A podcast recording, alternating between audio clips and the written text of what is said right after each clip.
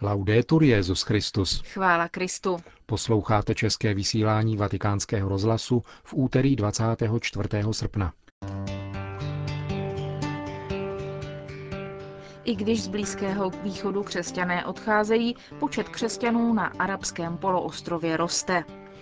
Komunita Sant Egidio pořádá v říjnu ve Španělsku mezinárodní setkání za mír.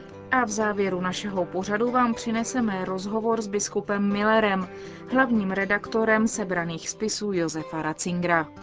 Hezký poslech vám přejí Markéta Šindelářová a Milan Glázer.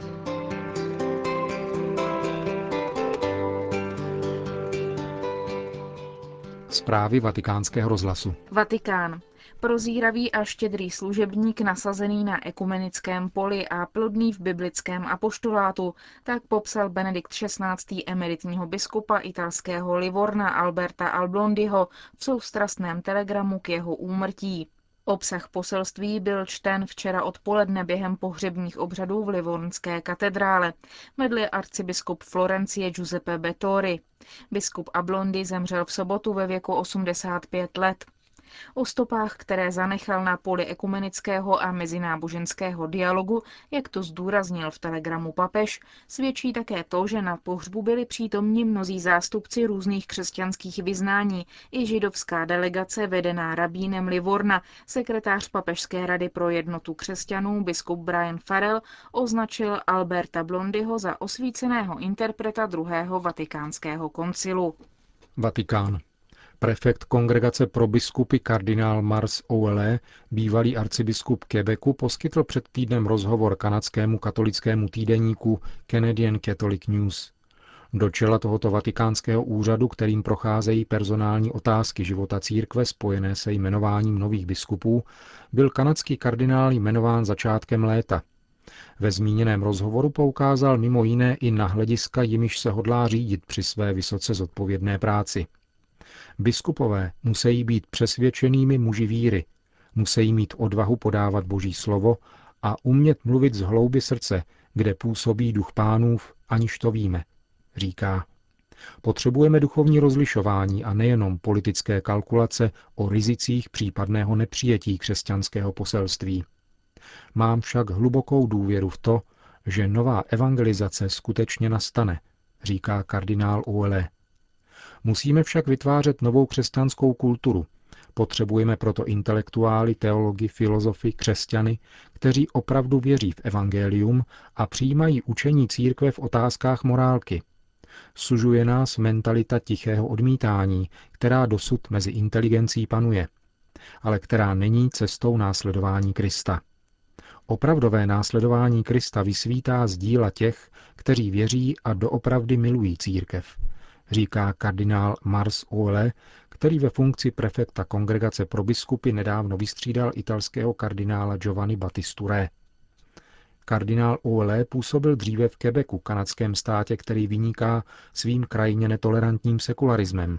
Ve státě Quebec, který má 8 milionů obyvatel, totiž jako v jediném státě na světě platí od roku 2008 zákon, který zavazuje státní i soukromé školy v otázce výuky náboženství.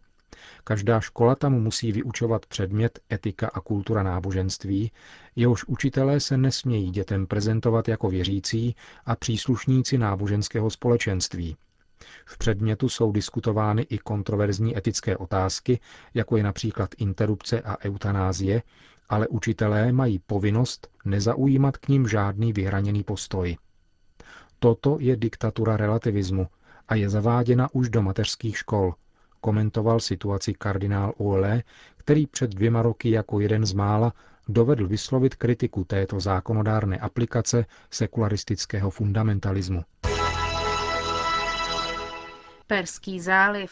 Zatímco z Blízkého východu křesťané odcházejí, je arabský poloostrov stále častějším cílem křesťanů, kteří tam přicházejí za prací. Italský časopis Mondo e Missione ve svém posledním čísle přináší dlouhou reportáž o církvi, která je přítomna v arabských státech. Naše víra je tady silnější než v naší vlasti, říká Nila Sanchez Bandigan, filipínská imigrantka v Abu Dhabi, která tak schrnuje překvapivou vitalitu církve ve státech Perského zálivu. Pastoraci zdejších věřících se věnuje apoštolský vikariát Arábie. Svou rozlohou 3 milionů čtverečních kilometrů je největším církevním územím na světě. Kromě Arabských emirátů zahrnuje Katar, Bahrajn, Saudskou Arábii, Omán a Jemen. Křesťanů tam žije několik milionů. Podle oficiálních odhadů je to v různých zemích 7 až 10% obyvatelstva. Například v Emirátech jednoduché počty ukazují, že křesťanů je tam více než 30 Známé mrakodrapy Arabských Emirátů jsou výsledkem pracovního nasazení tisíců dělníků křesťanského vyznání. Věřící zde žijí v podmínkách kontrolované svobody. Náboženská praxe a přítomnost náboženských symbolů jsou omezeny na těsné prostory farních pozemků, ale společenství jsou plná života. Navzdory překážkám a těžkostem jsou naše komunity živé a oplývají nadšením. V tom jsou pro Západ téměř provokací, říká apoštolský vikář Arábie, švýcarský kapucín Paul Hinder. Barcelona. Komunita Sant Egidio pořádá v říjnu ve Španělsku mezinárodní setkání za mír. Účastnit se ho budou zástupci křesťanských církví a velkých náboženství spolu s představiteli světa kultury a mezinárodní politiky. Setkání se bude konat v Barceloně od 3. do 5. října. Setkání má modlitební charakter. Jeho téma zní Prožít společně čas krize. Rodina národů, rodina boží. Modlitební setkání za mír začala po historickém setkání v Asizi za přítomnosti Jana Pavla II.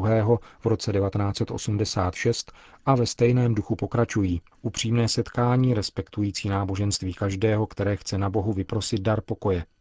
Tak setkání popsal arcibiskup Barcelony kardinál Martinez a označil ho za jednu z největších náboženských událostí tohoto města v letošním roce, tedy po očekávané návštěvě Benedikta XVI., který tu 7. listopadu vysvětí chrám Sagrada Familia. Teze klást větší pozornost na to, co mají katolíci a protestanté společné, vyzval předseda Německé biskupské konference Robert Solič minulý víkend při návštěvě Teze. Tam zavítal přesně 70 let poté, co tuto komunitu založil bratr Roger Schitz. Biskup Colič v rozhovoru pro agenturu SIR zdůraznil nutnost, aby se snížil počet vzájemných útoků mezi vyznáními. Musí být možné vzájemně se obohacovat v síle existujících analogií mezi katolíky a protestanty, protože v dlouhodobé perspektivě neexistuje k ekumenismu alternativa, dodal předseda německého episkopátu. Vyzdvihl přitom také významný vliv tohoto ekumenického duchovního centra na generace mladých křesťanů. Ženeva. Světová rada církví včera oslavila 62 let své existence. Založena byla 23. srpna roku 1948 v Amsterdamu. Tehdy združila 147 církví různých křesťanských vyznání z mnoha zemí. Dnes je v ní už 349 církví, denominací a církevních společenství. Zastupuje tak 560 milionů křesťanů. Zatímco většina zakládajících církví byla z Evropy a Severní Ameriky, nyní jich většina pochází z Afriky, Ázie, Karibiku, Latinské Ameriky, Blízkého východu a z oblasti Tichého oceánu. Jejím cílem je posilovat ekumenické vztahy mezi členskými církvemi, odpovídat na potřeby světové populace, učit hodnotám spravedlnosti a míru prostřednictvím misií a služby. New Delhi. Kauzu dosud nepotrestaných protikřesťanských pogromů znovu otevřelo třídenní zasedání Národního tribunálu v hlavním městě Indie. Od násilných útoků hinduistických extrémistů na křesťany ve státu Orisa uplynuly dva roky a jejich pachatelé dosud unikají spravedlnosti. Zasedání soudů se účastní někdejší soudci, aktivisté, novináři a političtí analytici kteří mají objasnit 43 případů násilí, během nichž od prosince 2007 do srpna 2008 přišlo o život 93 lidí a 56 tisíc muselo uprchnout. Život těch, kdo přežili v Kátmandu, se neustále zhoršuje, uvedl Dinarendra Panda, mluvčí postiženého obyvatelstva, který opakovaně upozorňoval na selhání soudního systému. Mezi obviněnými jsou exponenti Bharatiya Janata Party, politické strany, která byla u moci v Orise v době masakrů a dodnes brání svědkům vypovídat u soudu. U příležitosti druhého výročí konce masakru ustanovila Ekumenická komise Indické biskupské konference Národní den indických mučedníků. Slavice bude 29. srpna a, jak se uvádí, má připomínat všechny kněze, řeholníky a lajky, kteří obětovali život pro svou víru v Krista.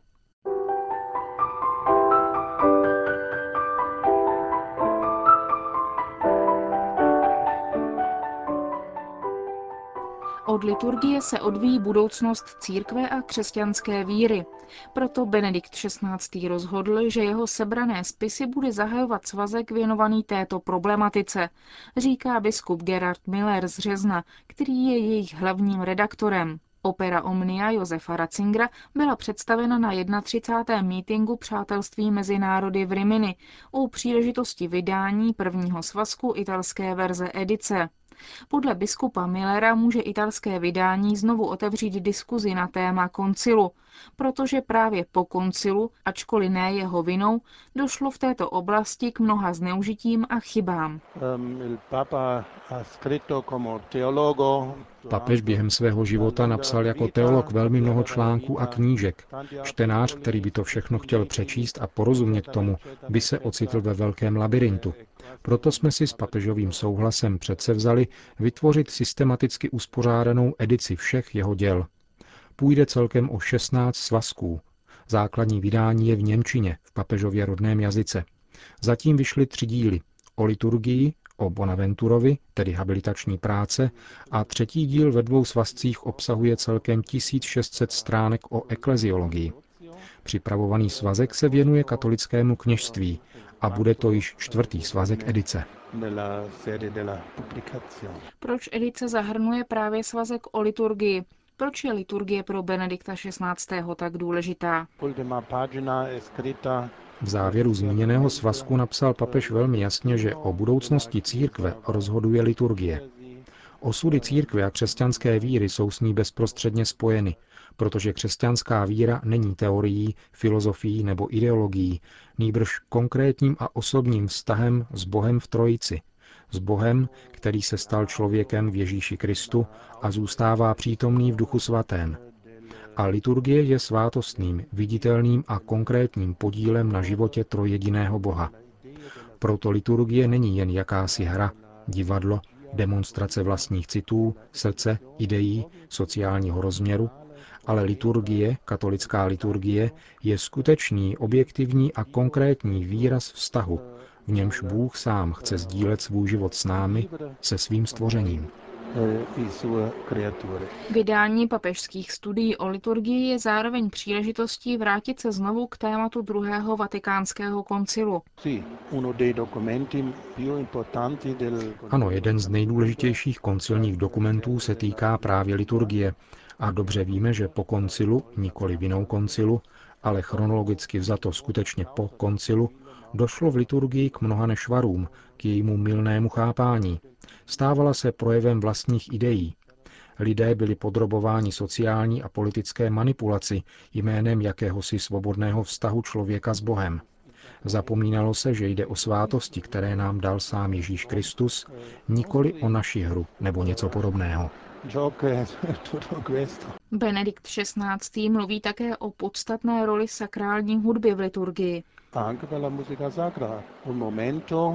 Ano, sakrální hudba je podstatný prvek liturgie. Víme, že už ve starém zákoně v chrámové liturgii hrály důležitou roli žálmy a hymny. Vidíme to také v listech svatého Pavla, kde jsou hymny a žálmy výrazem víry a radosti z přítomnosti Pána v duchu svatém. Odtud ta podstatná role sakrální hudby v liturgii. Mluvil řezenský biskup Gerard Miller, redaktor sebraných spisů papeže Ratzingera.